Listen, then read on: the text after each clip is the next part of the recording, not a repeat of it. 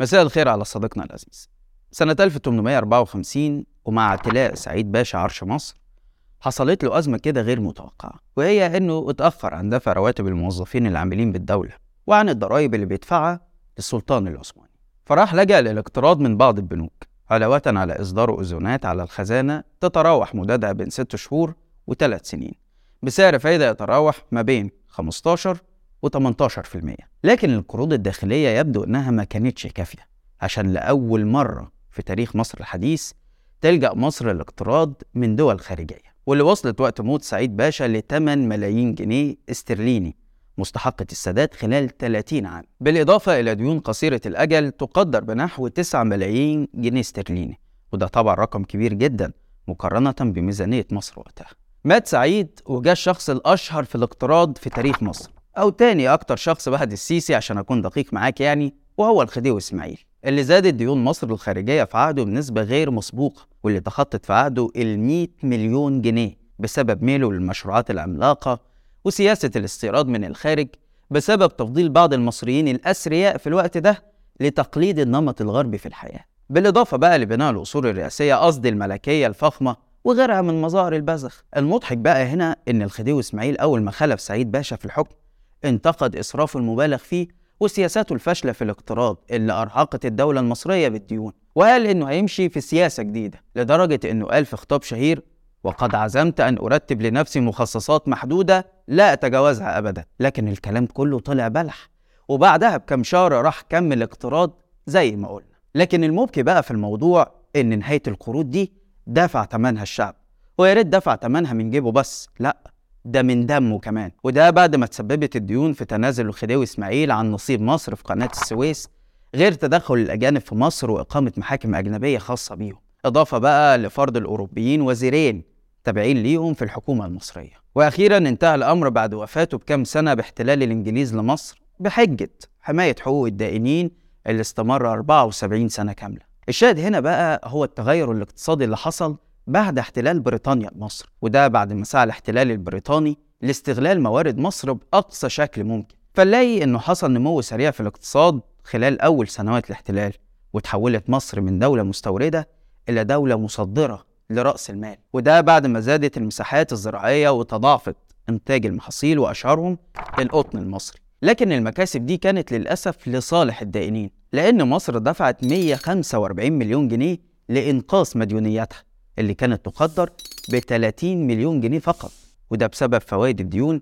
اللي راحت عليها ال 115 مليون المال عايز أقول لك كمان إن وقت الحرب العالمية الثانية وفي الوقت اللي العالم كله عنده أزمات اقتصادية وخصوصا الغرب قدرت مصر إنها مش بس تسدد ديونها لأ دي كمان دين الدول كبيرة زي بريطانيا. عشان تتحول مصر من دولة مدينة لدولة دائنة وده بعد ما حولت ديونها الخارجية لديون محلية. بعد موافق البرلمان سنة 1943 على قانون اقترح وزير المالية ساعتها أمين عثمان عرف باسم قانون تمصير الدين المصري اللي بيسمح بتحويل أقساط الديون اللي كانت بتدفع بالجنيه الاسترليني في الوقت ده لأقساط بتدفع بالعملة المحلية اللي هو الجنيه المصري. وده بعد ما اشترى مصريين وأجانب مقيمين في مصر الديون دي عشان تنتهي مصر أخيرا من ديونها بعد 80 سنة تقريبا. لكن طبعا الوضع ده ما فضلش كتير بعد ما وصل جمال عبد الناصر للسلطة عقب انقلاب يوليو 1952 والحروب اللي دخلتها مصر في 56 و67 و73 واللي أرهقت الاقتصاد المصري بشكل كبير عشان تستمر سياسة الاقتراض اللي مكملة معانا لحد النهاردة رغم عدم خوض مصر لأي حروب كبيرة تأثر على الاقتصاد طب إزاي تقدر مصر تسدد ديونها لصندوق النقد الدولي؟ وهل في دول قدرت تعمل ده قبل كده؟ وإزاي نستفاد من تجربة صفر ديون خارجية اللي حصلت سنة 1943 ده اللي هنعرفه معاكم في حلقة النهاردة. أنا عبد الرحمن عمر وده برنامج الحكاية.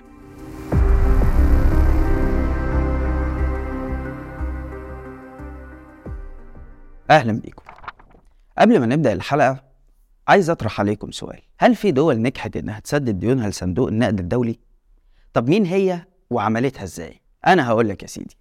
في 11 دولة نجحت في إنها تسدد ديونها بالكامل لصندوق النقد الدولي من سنة 2000 هي كوريا الجنوبية سنة 2001 البرازيل سنة 2005 وروسيا والأرجنتين والأوروجواي 2006 وتركيا ولاتفيا والمجر 2013 ومقدونيا ورومانيا وأيسلندا 2015 وعشان ما أطولش عليكم في الحلقة هحكي لكم عن ثلاث تجارب مختلفة من الدول دي. وهي كوريا الجنوبية في أقصى الشرق والبرازيل في أقصى الغرب وتركيا في الشرق الأوسط. دي ثلاث دول كانت ليها تجارب رائدة في تسديد ديونها بشكل خاص وفي إصلاح اقتصادها بشكل عام. هنبدأ مع البرازيل.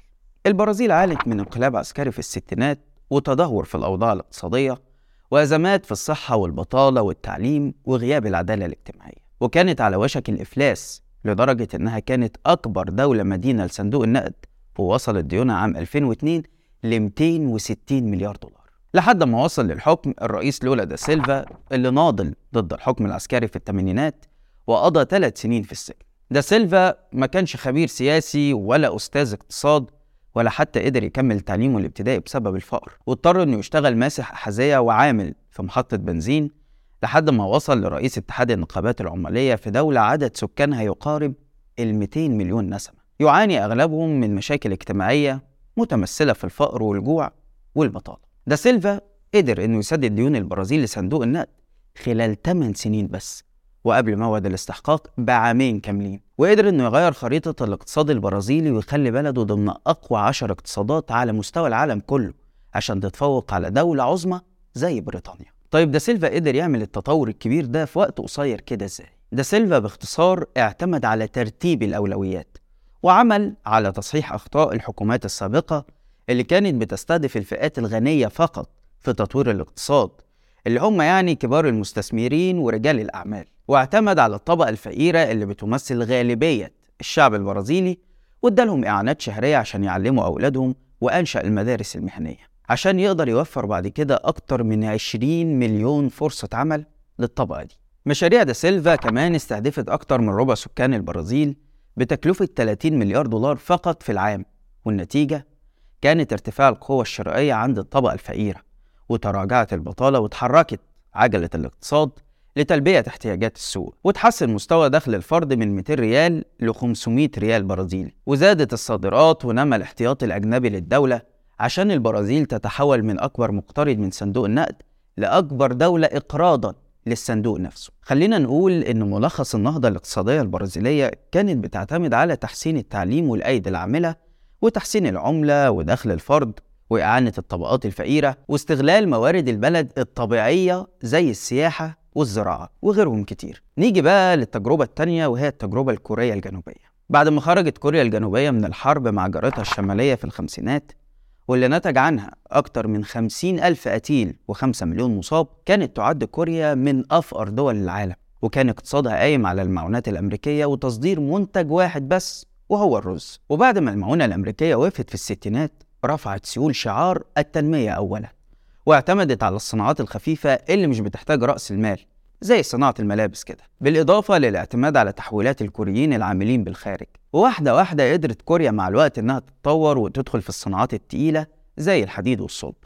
عشان سنة 2009 تحتل المركز الرابع عالميا في إنتاج الصلب. وطبعا ده انعكس على صناعة السيارات واللي كلنا عارفينها. زي كيا وهيونداي اللي موجودة في كل دول العالم. لحد أخيرا ما دخلت كوريا في الصناعات التكنولوجية واللي أصبحت رائدة فيها زي الكاميرات والموبايلات والأجهزة الإلكترونية. نيجي بقى للحتة اللي تخصنا وهي الأزمة الاقتصادية اللي ضربت كوريا سنة 97 ونتج عنها انهيار العملة وغلق المصانع وخروج المستثمرين من الدولة واستدانت كوريا بسببها من صندوق النقد الدولي اللي فرض عليها شروط زي ما بيفرض علينا دلوقتي كده. الجميل بقى في الأمر كان انضمام الشعب الكوري بمختلف أطيافه للمشاركة فيما عرف باسم حملة الذهب القومية عام 98 وده لما تبرع 3.5 مليون مواطن كوري ب 227 طن من مقتنياتهم الذهبية الثمينة للدولة عشان تقوم بإذابتها وبيعها لرفع الاقتصاد القومي. وبالفعل نجحت كوريا إنها تسدد دين صندوق النقد الدولي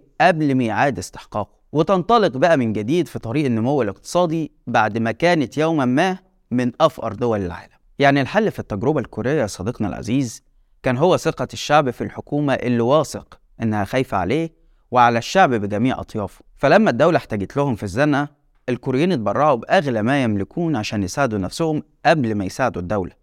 وهنا هندرك قيمة التعليم اللي الدولة اهتمت بيه في البداية. آخر تجربة وهي التجربة التركية اللي عانت من انقلاب عسكري شهير سنة 80 واللي أثر بالسلب على الاقتصاد التركي بعد ما اعتمد على سياسة الاقتراض من صندوق النقد الدولي لإنقاذ تركيا من الانهيار. وده اللي أدى إن البلد تغرق في الديون عشان يوصل دينها لصندوق النقد فقط في عام 2002 لأكتر من 16 مليار دولار غير ديون خارجية مستحقة عليها وصلت لأكتر من 430 مليار دولار تستحق السداد قبل 2020 مع وصول أردوغان للحكم سنة 2002 اعتمد على سياسات اقتصادية لا تلجأ لصندوق النقد مهما حصل. كمان ساهم الاستقرار السياسي في جذب المستثمرين للدولة غير الإصلاحات اللي الدولة عملتها في البنية التحتية وتحسين مستوى معيشة الفرد وتحسين العملة. بعد ما خد أردوغان قرار بإطلاق عملة جديدة تعتمد على حذف ست أصفار من العملة القديمة. عشان يعلن أردوغان سنة 2015 بتسديد جميع ديون صندوق النقد الدولي وعدم التعامل معاه marra ohra. Mesela biz göreve geldik. Ekonomi olarak bizi sıkıntıya düşüren en önemli konu neydi biliyor musunuz? IMF'ti. IMF. Türkiye'yi adeta IMF idare ediyordu. Ve biz dedik hayır böyle bir şey olamaz. O zamanki bakan arkadaşlarıma da söyledim. Dedim ki kusura bakmayın onlara gereken cevabı vereceksiniz böyle bir şey olamaz. Onlar verdikleri paranın hesabını sorsunlar. Taksitlerini alıyorlar mı almıyorlar mı? Bunu sorsunlar. Ve biz bunlara borç taksitini ödediğimize göre mesele bitmiştir. Ve biz geldiğimizde 23,5 milyar dolar borcumuz vardı IMF'e. 2013 borcumuzu sıfırladık. Bitti. دي ثلاث تجارب مختلفة بنقدمها حلول للنظام المصري اللي لو جينا شفناه هنلاقيه بيعمل عكس كل الحاجات دي تماما ولسه بيتعامل بسياسة الاقتراض بتاعة الخديوي اسماعيل اللي عدى عليها أكتر من قرن ونص طيب إيه هي رؤية السيسي الاقتصادية اللي بيعتمد عليها؟ وهل ممكن تنجح ولا لأ؟ السيسي يا صديقي بياخد ربع التجربة بتاعة بعض الدول. يعني مثلا البرازيل نقلت عاصمتها من مدينة ساحلية لمركز البلد بهدف تطوير المدن الفقيرة وتحسين معيشة الناس. هنيجي نلاقي السيسي بيفتتح عاصمة جديدة في الصحراء عشان يجبر الموظفين تنقل فيها. والنتيجة إنه صرف مليارات الدولارات عشان يقدر يجهزها ويوفر لها البنية التحتية والمية والكهرباء والمواصلات وغيره. في التجارب اللي حكيت لك عنها برضه هتلاقي إن السيسي بيعمل منها كل حاجة وعكسها. يعني بيقول إنه بيهتم بالبنية التحتية وشبكة الطرق وبناء المباني والقصور عشان يجذب المستثمرين. في الوقت اللي هنلاقي المستثمرين بيهربوا باستثماراتهم من مصر بسبب سيطرة الجيش على الاقتصاد وغياب المنافسة والسوق المفتوح. كمان هنلاقي غياب ترتيب الأولويات. يعني في التجربة الكورية والبرازيلية كانت قايمة على استهداف الطبقات الفقيرة وتعليم كل طبقات الشعب ببناء المدارس والجامعات. في الوقت اللي أولويات السيسي في الاقتصاد مختلفة فهنلاقيه بيقدم بناء القصور الرئاسية وأطول برج وأكبر مسجد وكاتدرائية وأسرع قطر على بناء المستشفيات والمدارس اللي فيها تكدس طلابي كبير. غير إنه بيهتم بالجيش والشرطة والقضاء على حساب الأطباء والمعلمين اللي بيضطروا يهاجروا عشان يحققوا طموحاتهم في دول تانية. ديون مصر الخارجية يا صديقي العزيز في عهد السيسي وصلت لأكتر من 155 مليار دولار بزيادة أكتر من 300% عن 2011 اللي هو بنفسه بينسب ليها السبب في التركة الثقيلة والفشل الاقتصادي. ويا ريت السيسي أو أي حد من المسؤولين عارف حلول أو طرق لتسديد الديون دي. ونتيجة الديون دي كانت كارثية بمعنى الكلمة على الاقتصاد المصري واستقلالية القرار. وزي ما قلنا لكم في بداية الحلقة قصة الخديوي إسماعيل اللي نتج عنها التدخل الخارجي في شؤون مصر وصلت للاحتلال. هنلاقي السيسي بيعرض مصر لنفس المصير ولكن بطريقة تانية فهنلاقي صندوق النقد بيتحكم في الاقتصاد والعملة وبيدي أوامر على هيئة توصيات لخفض قيمة الجنيه اللي وصل ل 40 جنيه في السوق السوداء غير تراجع الدور المصري في المنطقة زي دوره في السودان وفلسطين لصالح دول عربية تانية زي الإمارات والسعودية اللي ملهمش حدود مع الدول دي حتى طب إيه خطة السيسي في تسديد الديون؟ هقول لك هو محاولة توريثها للأجيال اللي جاية اللي هتعاني من فوائد وأقساط الديون أكتر من المعاناة اللي بنعيشها حاليا. والحاجة التانية اللي السيسي بيعتمد عليها هو بيع أصول وممتلكات الدولة. فزي ما كلنا شفنا وعشنا إن السعودية بتاخد تيران وصنافير غير بقى الاستحواذات على المواني والبنوك وشركات رابحة كانت بتمثل عصب الاقتصاد المصري في السابق. ده غير بقى خطة إيمانية ماشي بيها السيسي إن ربنا عمره ما يخذله وإن مصر أكبر من أن تقع وربنا في ظهري وعمره ما هيسيبني. وده رغم إن حكمه أصلا قايم على معاداة التيار الإسلامي اللي السيسي بيتهمه إنه بيستغل الدين. هو حد ممكن يدي ظهره ولا إيه؟ لا مش ليا. أنا ظهري ربنا ظهري ربنا. واللي يقدر على ربنا يتفضل. طيب كل حلقة بتقولوا لي فين الحل عبد الرحمن؟ انت جاي تقول المشكلة ومش بتقدم أي حلول رغم إني مش متخصص في الاقتصاد لكن هطرح عليكم حلول من وجهة نظري المتواضعة طبعا. اللي حللتها من خلال التجارب اللي حكينا عنها في بداية الحلقة. الحل هو إيقاف سياسة الاعتماد على الاقتراض من صندوق النقد اللي ديونه بتتراكم مش بتقل وتوجيه الدعم للفئات الفقيرة اللي اتكوت بنار الغلاء والتضخم. الحل في جذب العقول من العلماء والمدرسين والاقتصاديين مش طردهم بره البلد. الحل في محاربة الفساد وعدم استهداف رجال الأعمال الناجحين والتحفظ على أموالهم. الحل إن الجيش يفضل في دوره اللي هو حماية حدود البلد ويبعد عن المنافسة الاقتصادية غير العادلة. الحل هو الحرية والعدالة الاجتماعية ومحاربة الفساد. الحل هو ترك إدارة البلد لأبنائها المتخصصين في السياسة والاقتصاد وغيرها من المجالات الكتير. في النهاية حابب أنهي الحلقة معاكم ببيت شعر للشاعر أحمد مطر بيقول فيه مواطن. كل ما أعرفه أني مواطن. وبلادي من أغنى بلاد العالمين. وأنا جائع وأطفالي حفاة وبيتي مؤجر وبراميل النفط تهدر كل حين والملايين تبذر في حياض الآخرين. وأنا ابن الأرض مدين. بس كده. لحد هنا والحلقة خلصت. لو الحلقة عجبتك اعمل like و share واشترك في القناة عشان يوصلك كل جديد. وما تنساش إنك تقدر تسمع البرنامج بتاعنا بودكاست من الروابط اللي هتلاقيها في التعليقات. وتابعنا على حساباتنا في الإنستجرام والتيك توك. واستنانا كل يوم اتنين وجمعة الساعة 8 بالليل بتوقيت القاهرة في حلقة جديدة من برنامج إيه الحكاية. سلام.